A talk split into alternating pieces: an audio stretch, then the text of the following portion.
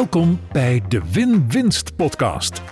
De inspiratiepodcast voor boekhouders en andere financials die willen bijdragen aan financieel gezonde en winstgevende bedrijven. En voor de ondernemers die dat winstgevende bedrijf willen bouwen. Femke Hogema gaat in gesprek met experts en ze deelt haar eigen kennis en ervaring. Laten we samen ontdekken hoe je succes creëert voor jezelf en je klant. Een echte win-winst. En welkom bij weer een aflevering van de Win-Winst podcast. En ik wil het vandaag met je hebben over de ondernemingspyramide. Dat is het model wat ik, ehm, ja, waar eigenlijk het, boek Fundament van Succes over gaat. En het model, de ondernemingspyramide, dat heb ik zelf gemaakt. Dat heb ik ontwikkeld in de afgelopen jaren. En ja, daar heb ik een boek over geschreven. Het boek heet Fundament van Succes van ZZP naar miljoenenbedrijf. En dat model, de ondernemingspyramide, kent acht elementen. En in mijn ogen moet je die acht elementen allemaal op orde hebben als je een financieel gezond en winstgevend bedrijf wil neerzetten, maar ook wil laten groeien. En de ondertitel zegt van ZZP naar miljoenenbedrijf. Ja, dat wekt wellicht een beetje de indruk uh, dat je dan dus ook een miljoenenbedrijf moet bouwen. Maar zo'n ondertitel is natuurlijk ook een beetje een teaser. En waar het me eigenlijk om gaat, is dat je uit die ZZP-fase um, um, wilt gaan. Um, als ZZP'er, wat, wat noem ik een ZZP'er? Ik noem een ZZP'er die min of meer in zijn of haar eentje een bedrijf runt en waarbij de omzet ook afhankelijk is van de uren van de inzet van de ZZP'er. Wanneer ben je dan in mijn ogen een ondernemer? Nou, in mijn ogen is een bedrijf, een onderneming. Nou, ik heb er ook een definitie van, laat ik die er meteen even ingooien. Um, in mijn ogen heb je een, een, um, een succesvol bedrijf op het moment dat je duurzaam waarde toevoegt aan het leven of het bedrijf van anderen op een manier die winst genereert en energie geeft. Nu kun je dat ook nog als ZZP'er doen, dus dat jouw uren waarde toevoegen, maar dat duurzame zit er ook in dat je niet afhankelijk bent van jouw uren. Dus dat duurzame betekent ook dat je ook waarde kunt toevoegen als jij niet aan het werk bent. Dus dat is in mijn ogen een, een bedrijf, een succesvol bedrijf. Dat, er, dat je waarde toevoegt aan het leven of het bedrijf van anderen op een manier die winst genereert, maar ook energie geeft. Hè? Dus dat, dat, dat je het ook naar je zin hebt, dat je het met plezier doet en dat de wijze van het toevoegen van die waarde niet afhankelijk is van jouw tijd. Dus dat ook andere elementen van je bedrijf, en dat zijn team, systemen en processen, dat ook die waarde toevoegen voor de klant. Nou, daar ga ik het straks nog wat uitgebreider over hebben. Maar qua inleiding, dat is wat mij betreft een succesvol bedrijf. En dat is wanneer je ook, um, dus als je dat nastreeft, ja, dan, dan is dit boek voor jou relevant. Dus je hoeft niet per se een miljoenenbedrijf te willen bouwen. En ik ben dit boek gaan schrijven en ik ben dit model gaan ontwikkelen omdat ik op een bepaald moment me realiseerde, ik heb dat bedrijf. Ik heb dat bedrijf wat waarde toevoegt aan het leven van anderen, zonder dat het per se mijn uren zijn die die waarde toevoegen. En dat was echt een heel groot moment. Dat ik dacht, oh wauw, dat waren heel veel momentjes. Het was het moment dat ik aan de zandbak zat met mijn kinderen, die, die toen nog drie en vier waren. En dat ik even met mijn, mijn telefoon uh, checkte. Hè, dat kan ik dan toch soms niet laten. Je bent ondernemer. En dat ik zag dat ik best wel significante omzet aan het draaien was die ochtend, terwijl ik aan de zandbak zat. Maar het zijn ook nu momenten dat ik in het bos loop en dat ik weet dat er op dat moment drie of vier teamleden gewoon aan het werk zijn. Dus ik loop in het bos, maar het bedrijf, wij als bedrijf, zijn gewoon waarde aan het genereren voor klanten. En het is ook de realisatie dat de omzet die wij draaien, dat ik die echt niet alleen draai. Dat wij die echt samen draaien. We hebben een bedrijf van zes mensen, waarvan drie in loondienst en drie ZZP. En uh, die ZZP'ers, dat zijn coaches. Dus de echte waarde die we aan de klant leveren, dat zijn de coachings, dat zijn de, de, de online lessen, dat zijn de live dagen. Natuurlijk draag ik daar ook aan bij, maar ik doe dat niet alleen. Maar ook de sales, die ligt ook niet helemaal bij mij. Die ligt bijvoorbeeld ook voor een deel bij Sonja. En die ligt ook voor een deel in de processen en de systemen. Dus op het moment dat ik me realiseerde, oh wauw, ik ben echt wel die ZZP-fase voorbij. Toen ging ik me ook iets afvragen. Toen ging ik me afvragen, maar wat heb ik nou voor mekaar gekregen dat dit is gelukt? Dus wat is er nu eigenlijk gelukt? Wat doen wij nou goed en wat hebben wij nou goed gedaan? Ja, en dat hoort een beetje bij mij. Ik wil altijd snappen waarom dingen gaan zoals ze gaan. Dus ik wilde ook begrijpen, wat is het nu wat ik heb? Wat is dat bedrijf nu en wat hebben wij nu neergezet? En daar ontstond het boek uit. Daar ontstond het model uit. En het leuke is, als we even helemaal teruggaan naar het begin, uh, dat is ondertussen 17 jaar terug in de tijd. Ik was die ZZP'er, die uren ZZP'er. En uh, dus ik neem je heel even mee in een stukje geschiedenis van mijn ondernemerschap. Ik ben uh, eh, 17 jaar geleden gestopt met in loondienst werken. En de, eigenlijk zat dat er al een tijdje aan te komen, want het grappige was, ik was een echte ondernemende werknemer.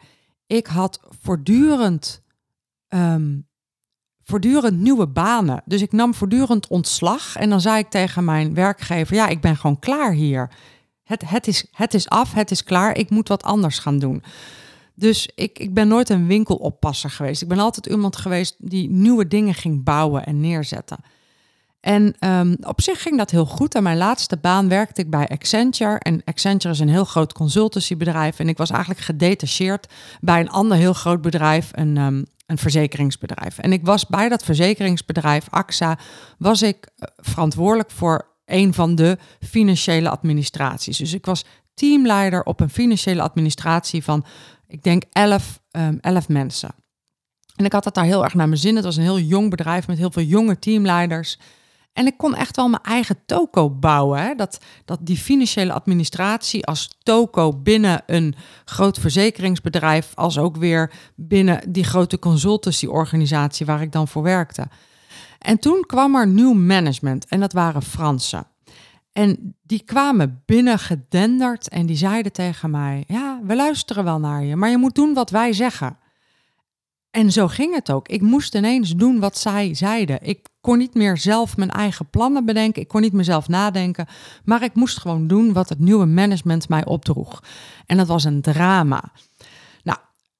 Zonder er al te veel in details te gaan. De conclusie was dat ik twee maanden later met wederzijds goed vinden ontslag had gekregen, genomen. Het hing er een beetje, hè, dus ik ging gewoon weg. En um, toen heb ik een ticket naar India geboekt. Een retourtje India, dat was ook het enige. Dus ik had nog niet eens een overnachting geregeld. Ook niet voor die eerste nacht. Nou, dat was een van de vele honderden lessen die ik leerde daar in, uh, op die reis. Maar ik had een ticket geboekt voor zes weken India. En het was een geweldige reis. Ik hoefde maar over twee dingen echt na te denken. Wat eet ik vandaag en waar slaap ik vannacht? En dat was echt echt even helemaal back to basic. Even terugkomen bij mezelf. Avontuur, reizen. En zes weken later landde ik op Schiphol. En je gelooft het niet, ik was Schiphol nog niet uit. Of mijn vriendin Diana belde. En zij zei tegen mij: Jij zocht toch werk als financial controller, als interimmer, als ZZP'er.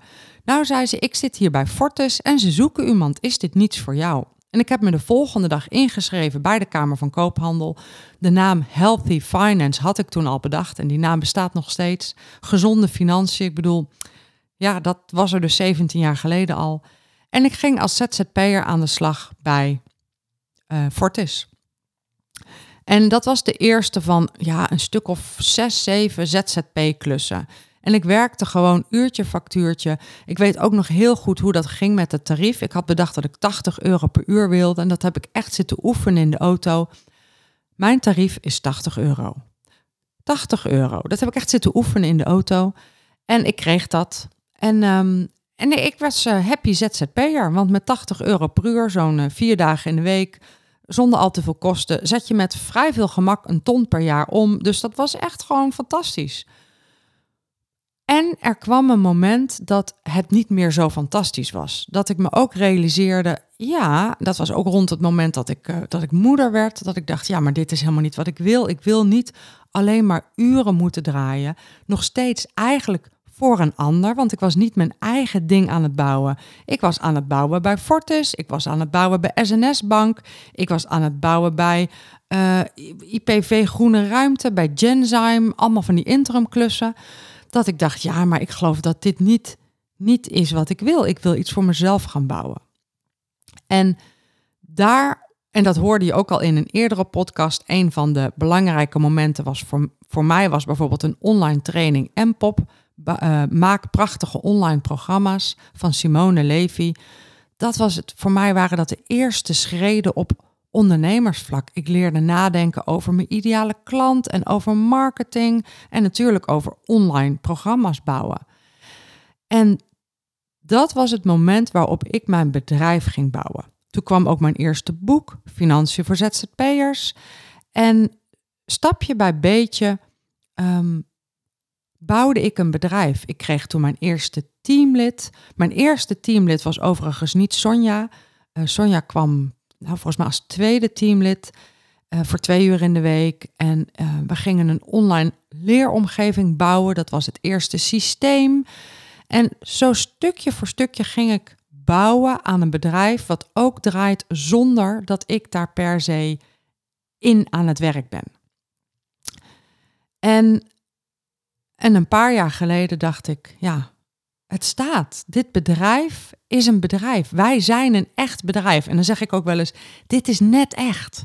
Het is net een echt bedrijf. En het is natuurlijk een echt bedrijf, maar ik moet soms nog wennen aan het idee.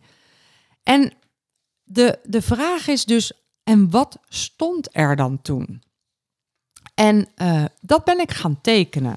En voor de, voor de YouTube-kijkers, het plaatje wat je hier in beeld ziet, dat is de ondernemingspyramide. En de ondernemingspyramide kun je ook vinden op www.fundamentvansucces.nl. Daar staat dat plaatje. Dus als je dit luistert op audio, als je in de auto zit, stop even, kijk heel even op fundamentvansucces.nl naar het plaatje. Dat luistert wat makkelijker voor de rest van het verhaal.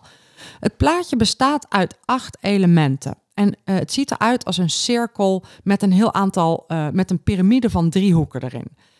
En um, ik begin altijd in de blauwe cirkel van de ondernemer. Ik zal ze heel even kort met je doornemen. Het begint in de blauwe cirkel van de ondernemer. Dan gaan we naar het midden van de piramide en die gaat over waarde. Dan heb je boven waarde um, strategie en daarboven missie, visie, kernwaarden. En naast het middenpunt van de piramide zijn twee flanken. De ene flank is de organisatie, het geheel van team, systemen en processen.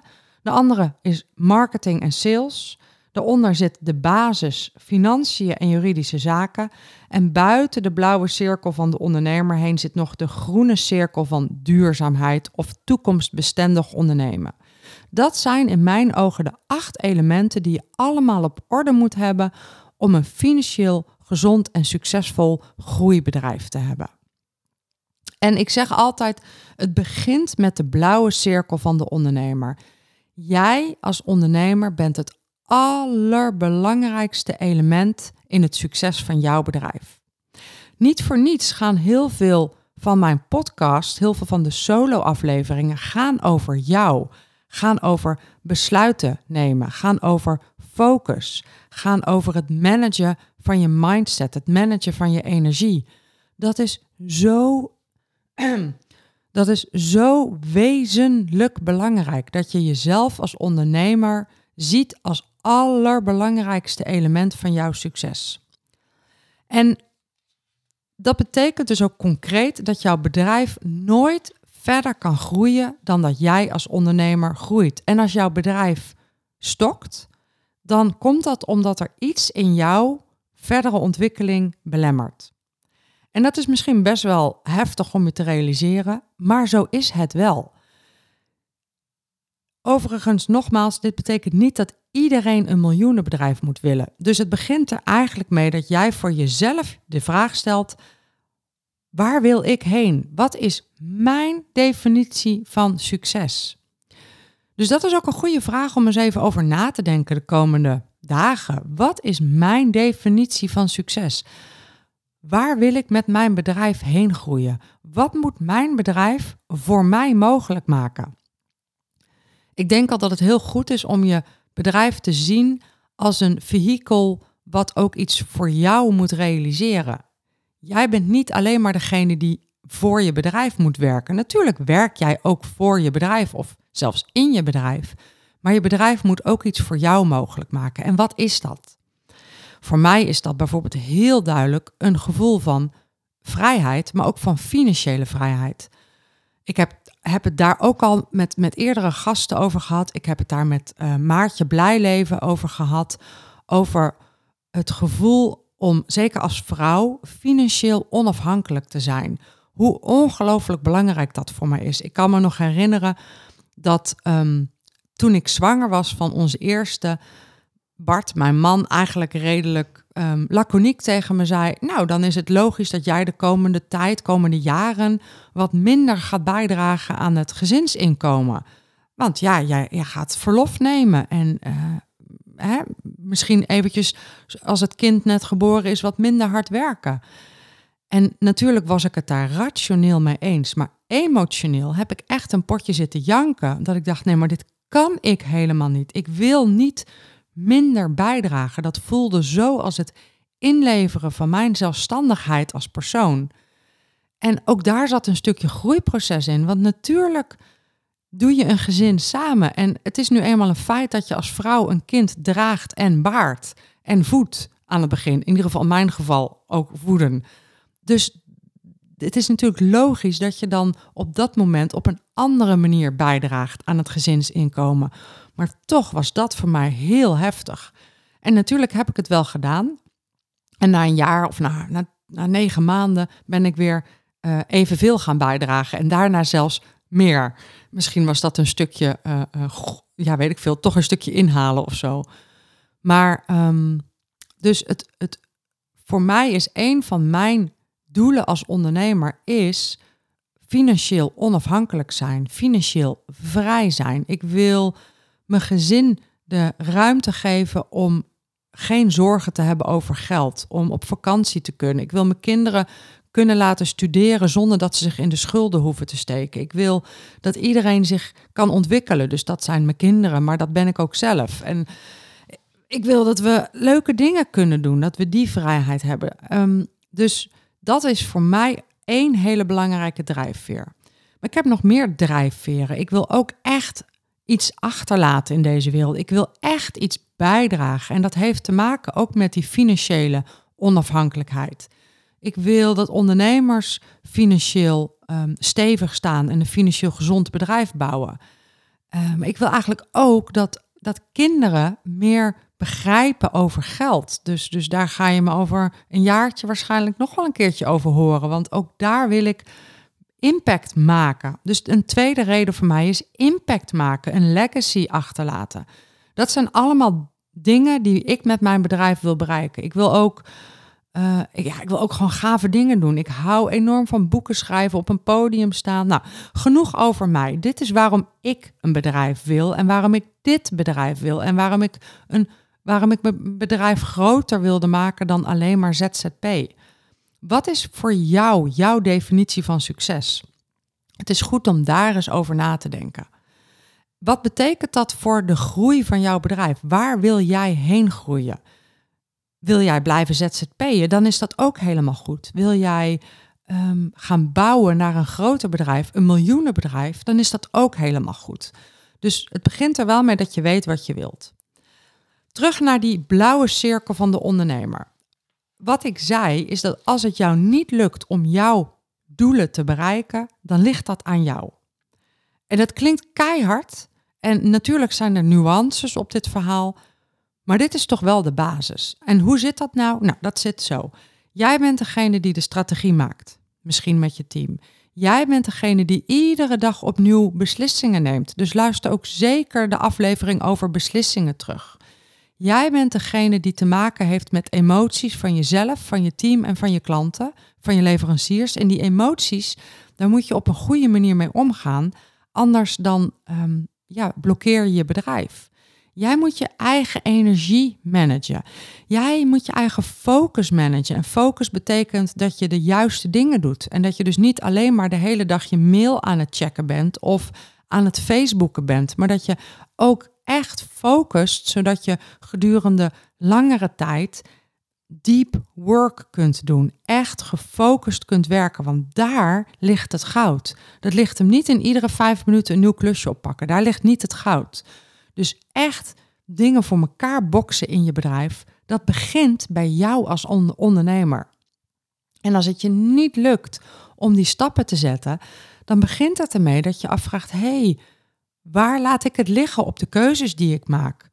Waar laat ik het liggen op de strategie zoals ik hem heb uitgezet? Waar heb ik mijn focus niet gepakt of waar pak ik mijn focus niet? Waar heb ik mijn energie niet gemanaged? En ik zeg niet dat dit uh, leuk of makkelijk is. Ja, het is trouwens misschien wel leuk. Ik zeg niet dat het makkelijk is, maar dit is wel wat je te doen hebt. Daarom is een heel groot deel van het boek van Fundament van Succes gaat ook over het managen van jezelf als ondernemer. Ehm, dus daar begint het mee. Nou, vanuit die blauwe cirkel van de ondernemer gaan we naar de kern van de piramide. En de kern van de piramide is waarde. Want als bedrijf heb je heel scherp je waardepropositie in kaart te brengen. En je waardepropositie gaat over de vraag: wat is het echte probleem of de echte behoefte van je ideale klant waar jij een oplossing of een antwoord voor hebt? Dat is je waardepropositie. En als je die heel scherp hebt en die is sterk, die is stevig, dan heb je in potentie het zaadje van een bedrijf. En dat is heel belangrijk om je te realiseren. Waar het vaak misgaat bij ZZP'ers, en zo begon ik ook als ZZP'er, is dat we vooral weten wat wij. Nou, drie dingen. Wat je heel goed kunt. Je hebt een kwaliteit. Ik was goed in financiën, dus dat was mijn kwaliteit. Dat je iets eh, heel erg leuk vindt. Dus je hebt een passie. Eh, je wil het heel graag. Of je vindt iets heel erg belangrijk. Je hebt een missie. Dus kwaliteit, passie en missie, dat zijn heel vaak die drie dingen, of een combinatie van de drie, zijn heel vaak de redenen waarom ondernemers ZZP'er worden. En dat is ook heel belangrijk, een kwaliteit, een passie en een missie. Maar het is niet genoeg. Het is niet genoeg. Ik heb ook een probleem met ondernemers die beweren dat je alles kunt bereiken vanuit passie. Ik vind dat gewoon echt bullshit. Je kunt niet alles bereiken vanuit passie. En dan gaan misschien heel veel mensen boos op mij worden en die gaan zeggen van ja, maar Femke, als iedereen doet waar die echt blij van wordt, dan maken we de wereld mooier. Ja, wel als daar per ongeluk ook een verdienmodel en een waardepropositie onder schuilt. Maar als je alleen maar gaat doen wat je heel erg leuk vindt, en nu ga ik een beetje overdrijven, maar als jij het heel erg leuk vindt om um, viooltjes te kweken, maar niemand heeft viooltjes nodig, dan heb jij geen waardepropositie. Dus er moet een waardepropositie onder zitten. Eh, anders heb je gewoon geen verdienmodel. Dat is, een, dat is de basis van ondernemerschap. Dus die waardepropositie gaat erover dat je weet wat is een probleem of een behoefte waar ik een antwoord op kan geven. En pas dan is er een zaadje van een bedrijf. Nou, gelukkig zijn er enorm veel passies die ook een probleem oplossen of die antwoord geven op een vraag. En daarom zijn er ook heel veel succesvolle, gepassioneerde ondernemers. Maar alleen een passie is zeker niet genoeg. Zeker niet omdat je een passie niet kunt marketen. Je kunt niet zeggen: ik kan onwijs goed coachen, word mijn klant. Zo werkt het niet. Je kunt wel zeggen: ik kan heel goed zorgen dat jij niet in een burn-out komt. Word mijn klant. En dat je dan gaat coachen, ja, dat is prima. Dat is jouw manier om die oplossing te realiseren. Maar je kunt jouw passie, ik ben een goede coach, ik kan goed luisteren, dat kun je niet verkopen. Dat is niet genoeg. Ehm, en ik realiseer me dat ik hier heel gepassioneerd in ben. Hè? En dan word ik jufferig. Dus als je dit irritant vindt, dan uh, ja, luister daar even aan voorbij. Maar dat komt omdat ik het hier ook heel vaak mis zie gaan. Ik zie heel veel ondernemers die kunnen zoveel bijdragen, maar omdat ze vergeten de stap te zetten van passie naar waardepropositie, krijgen ze het niet in de markt gezet. Dus neem de tijd om die waardepropositie scherp te krijgen. Ga met klanten praten. Ga aan ze vragen: welk probleem los ik eigenlijk voor je op? En welke vraag beantwoord ik eigenlijk voor je? En dan kom je steeds dichter bij die echte waardepropositie. Want als er een echt probleem is waar jij een oplossing voor hebt, ja, dan, dan, dan heb je het begin van een bedrijf dan ben je er nog niet natuurlijk. Nu hebben we pas twee elementen gehad: de ondernemer en de waarde. Je hebt een strategie nodig. En een strategie is een antwoord op de vraag: hoe ga je daar dan komen? Hoe ga je die, dat probleem van die klant dan oplossen? En onderdeel van een strategie zijn je producten, maar ook je verdienmodel, je winstgevende plan, je 12 weken plan, je drie plan, je misschien wel je 10 plan. Dus dat is allemaal antwoord op de hoe-vraag. Nou, ook daar kan ik een uur over praten. Dat ga ik nu niet doen. Waar het om gaat bij strategie is dat ik eigenlijk van mening ben dat, en dat, dat is niet alleen mijn mening, dat zie ik ook gewoon om me heen hè, bij andere succesvolle ondernemers, dat iedere ondernemer in ieder geval vier keer per jaar, ieder kwartaal, minstens een halve dag de tijd en de ruimte moet nemen om stil te staan bij de strategie.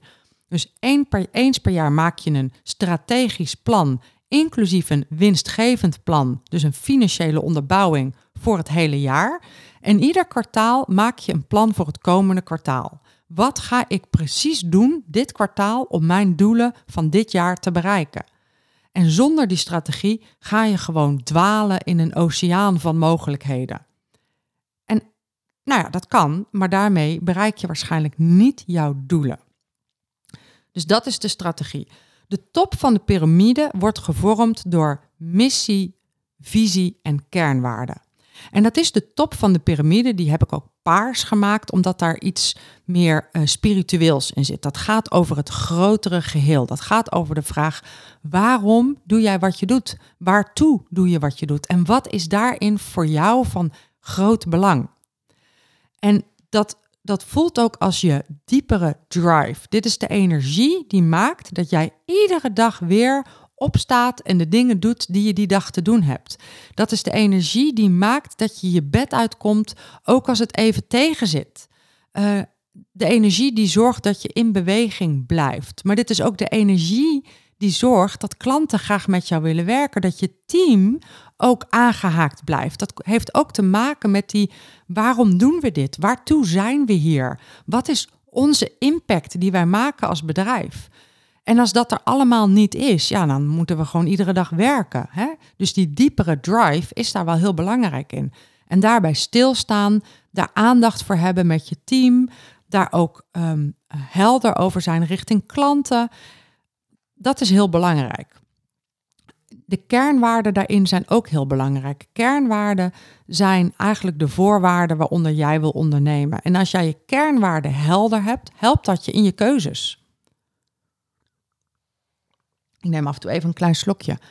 Ehm, als jij weet dat een van jouw kernwaarden is dat je bijvoorbeeld alleen maar met leuke mensen wil werken, omdat plezier een belangrijke kernwaarde is, en er komt een ongelooflijk onaardige uh, potentiële klant naar je toe die al via de allereerste mailcontact zich als een soort van schoft opstelt, dan kun jij vanuit je kernwaarden, ik wil iedere dag met leuke mensen werken, ik wil plezier hebben, dan kun je op basis daarvan al zeggen tegen die potentiële klant, uh, goh, ik denk niet dat wij de beste match zijn. En dan hoef jij niet meer energie te verliezen aan die potentiële klant dan dat ene mailtje te beantwoorden. Terwijl als je die kernwaarden niet helder hebt, ja, dan loop je het risico dat je met die klant in gesprek gaat, dat je hem een aanbod gaat doen, dat het allemaal energie kost, dat die klant dat aanbod ook nog aanvaardt, dat je dus ook nog met hem moet gaan werken. En how you do one thing is how you do everything. Dus als dat eerste mailtje al ongelooflijk ongezellig is, dan is de kans heel groot dat de rest van het contact ook ongelooflijk energieslurpend wordt. Waardoor je gewoon je eigen kernwaarden verontachtzaamd hebt en dus aan het werken bent voor een pain in the ass klant, een pita klant. Ehm, dus het helder hebben van zo'n kernwaarde, ik wil iedere dag met plezier mijn werk doen, is heel essentieel in de keuzes die je iedere dag maakt. Ehm, ik kijk heel even naar de tijd, want ik, anders ga ik zo meteen uh, echt drie uur praten over dit uh, onderwerp. Ja, precies. Ik ben al een half uur bezig. Dus ik ga uh, um, richting de, de volgende, het volgende onderdeel van de ondernemingspyramide. Um, vanuit um, waarde gingen we naar strategie, gingen we naar de top van de piramide, missie, visie, kernwaarden. Dan kent de piramide twee flanken. De eerste flank is die van de organisatie. De organisatie is het geheel van team, systemen en processen. En de uitdaging is dat de organisatie de waarde aan de klant levert. En als het jou lukt om te zorgen dat de organisatie, het geheel van team, systemen en processen, de, de waarde aan de klant levert, dan ben je een bedrijf aan het bouwen. Dan ben jij niet de enige die waarde levert. En ook hier kan ik een uur over praten. Daarom heb ik ook een heel boek over geschreven, over al deze elementen. Um, het idee is dat ieder bedrijf is eigenlijk een organisatie. En als je ZZP'er bent, dan ben jij voornamelijk het team. Maar al heel snel kun je een stukje team gaan uitbouwen door bijvoorbeeld voor twee uur in de week een virtual assistant in te huren.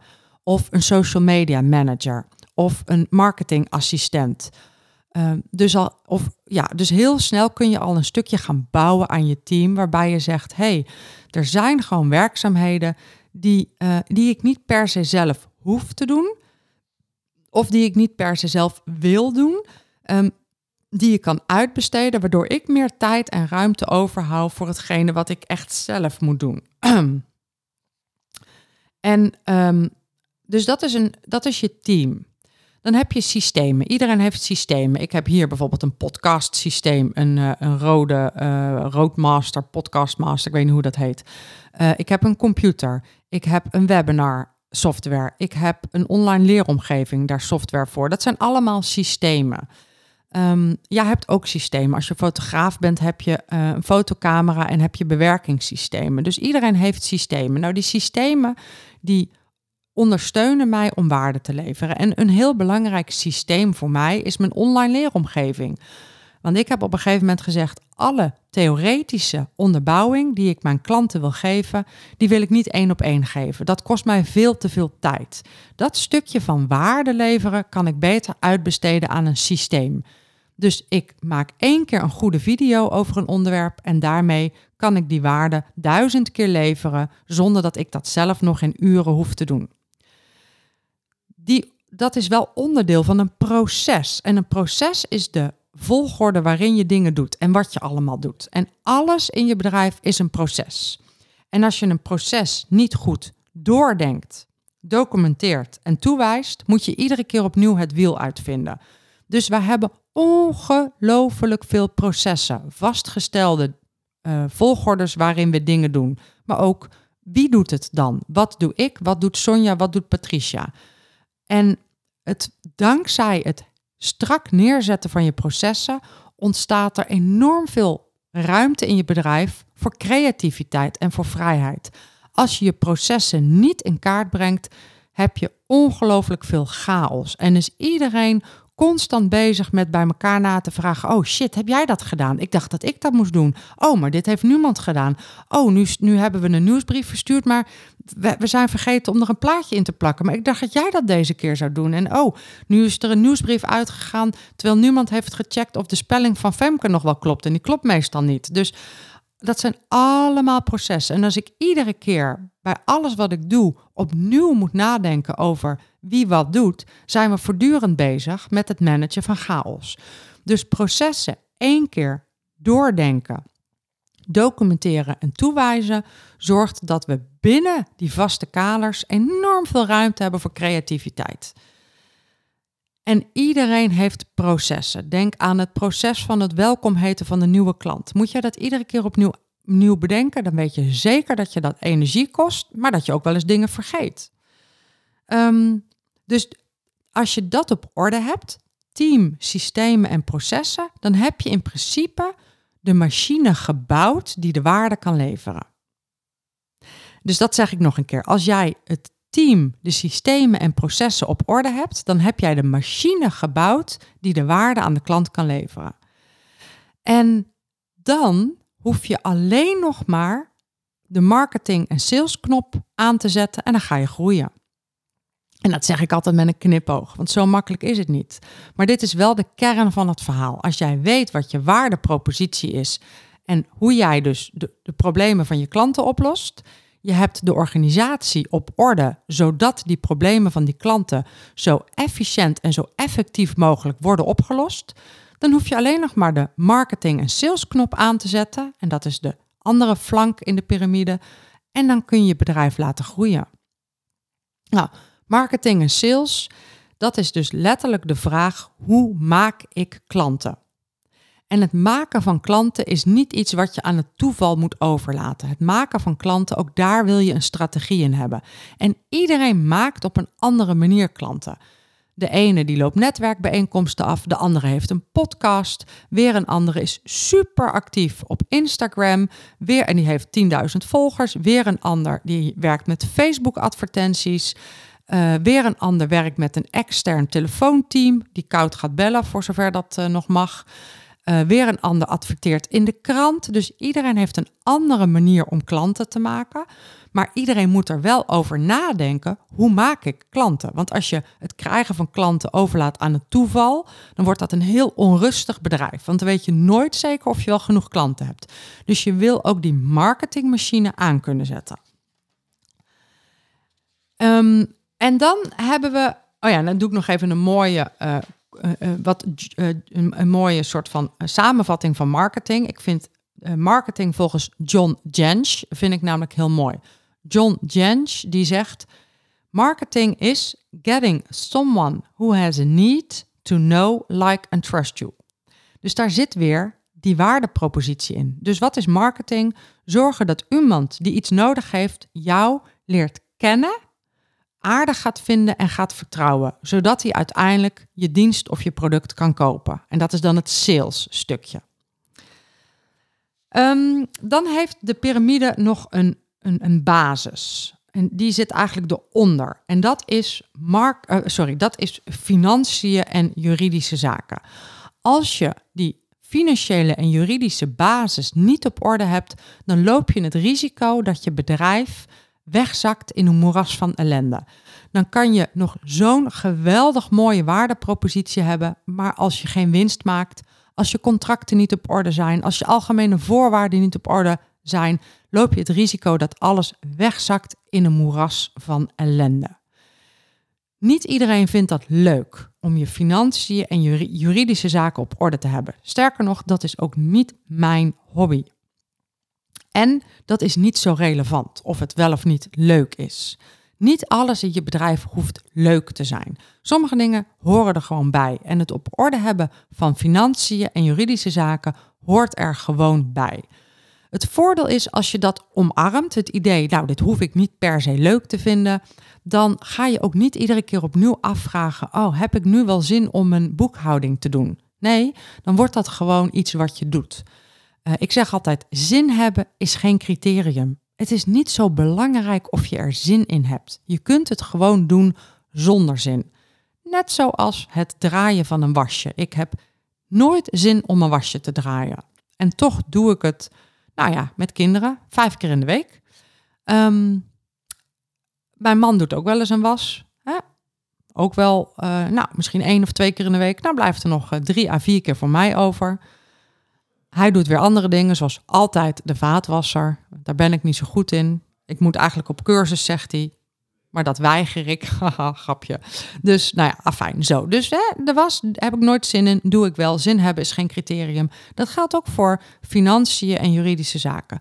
Wat daar vervolgens heel belangrijk in is, is dat je daar uh, uh, vaste processen in hebt, vaste gewoontes. Zodat je ook niet iedere keer hoeft af te vragen, heb ik daar zin in?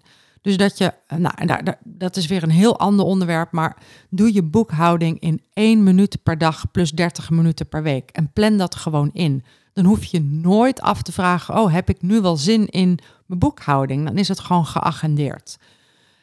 Dat is super belangrijk over financiën en juridische zaken. Um, nou, nogmaals, ook daar valt natuurlijk weer heel veel meer over te zeggen. Maar in het kader van een soort van globaal overzicht over de ondernemingspyramide laat ik het hier even bij. Dan hebben we de laatste element van de ondernemingspyramide en dat is de buitenste groene cirkel van duurzaamheid en toekomstbestendig ondernemen. En die cirkel die gaat er eigenlijk over dat je onderneemt ten behoeve van en niet ten koste van de wereld om je heen. En dat gaat enerzijds natuurlijk over hoe gaan we om met energie, uh, met, met, met spullen. Uh, want spullen zijn enorm vervuilend, met, met brandstof, dat soort dingen. Maar het gaat ook over hoe ga je om met mensen, met personeel. Dat heeft ook te maken met toekomstbestendig ondernemen. En um, het, het stilstaan bij duurzaam ondernemen is voor iedere ondernemer belangrijk. En het was grappig, ik zag van de week een, een, um, een, een, een, soort, geen advertentie, gewoon een, een, eh, een artikel over een nieuw bedrijf. En er werd heel met veel bombarie gelanceerd, want er was eindelijk een ondernemer en die was het gelukt om geschilde appels in plastic bakjes in de winkels te krijgen. En toen dacht ik, wat een kut verdienmodel. Sorry dat ik het zeg. Want ten eerste hebben appels een beschermschilletje van zichzelf. Dat heet de schil. Waardoor je dus niet appels in plastic bakjes hoeft te stoppen. Ehm, dus, dus als het gaat over je bedrijf, je wil dat je onderneemt ten behoeve van de wereld, niet ten koste van de wereld. En ik, nou ja, ik, kan, ik ben geen expert in appels en plastic bakjes, maar ik denk niet dat dat een zinvolle bijdrage is aan onze maatschappij om appels en plastic bakjes als verdienmodel in de winkels te gaan zetten. Ik vind dat echt nou, niet meer kunnen in de huidige tijd. Dus denk er bij jouw bedrijf over na en is dit toekomstbestendig? We, we maken allemaal, um, we gebruiken allemaal energie, maar op welke manier kun je daar zo toekomstbestendig mogelijk mee omgaan. En ik noem altijd een heel klein voorbeeld. Vroeger hadden wij nog wel eens leuke gadgets voor in de goodie bags op events. Denk aan zo'n leuk, zo'n leuk knijpballetje met het logo erop. Of een uh, mini uh, uh, rekenmachientje met het logo erop. En als je nadenkt over toekomstbestendig ondernemen, mijn conclusie was: hier gaan we mee stoppen. Dat wil niet zeggen dat we nooit meer leuke cadeautjes hebben voor onze eventgasten, maar we gaan erover nadenken of we daar duurzamere cadeautjes van kunnen maken. Cadeautjes die echt iets bijdragen. En die dan misschien wat duurder zijn, maar dan zijn het misschien wat minder cadeautjes. Maar niet cadeautjes waarvan je weet dat 90% gewoon weer in de prullenbak verdwijnt. Dat vind ik niet toekomstbestendig. Dit is maar één heel klein voorbeeldje. Dus wat ik met je heb doorgenomen is de ondernemingspyramide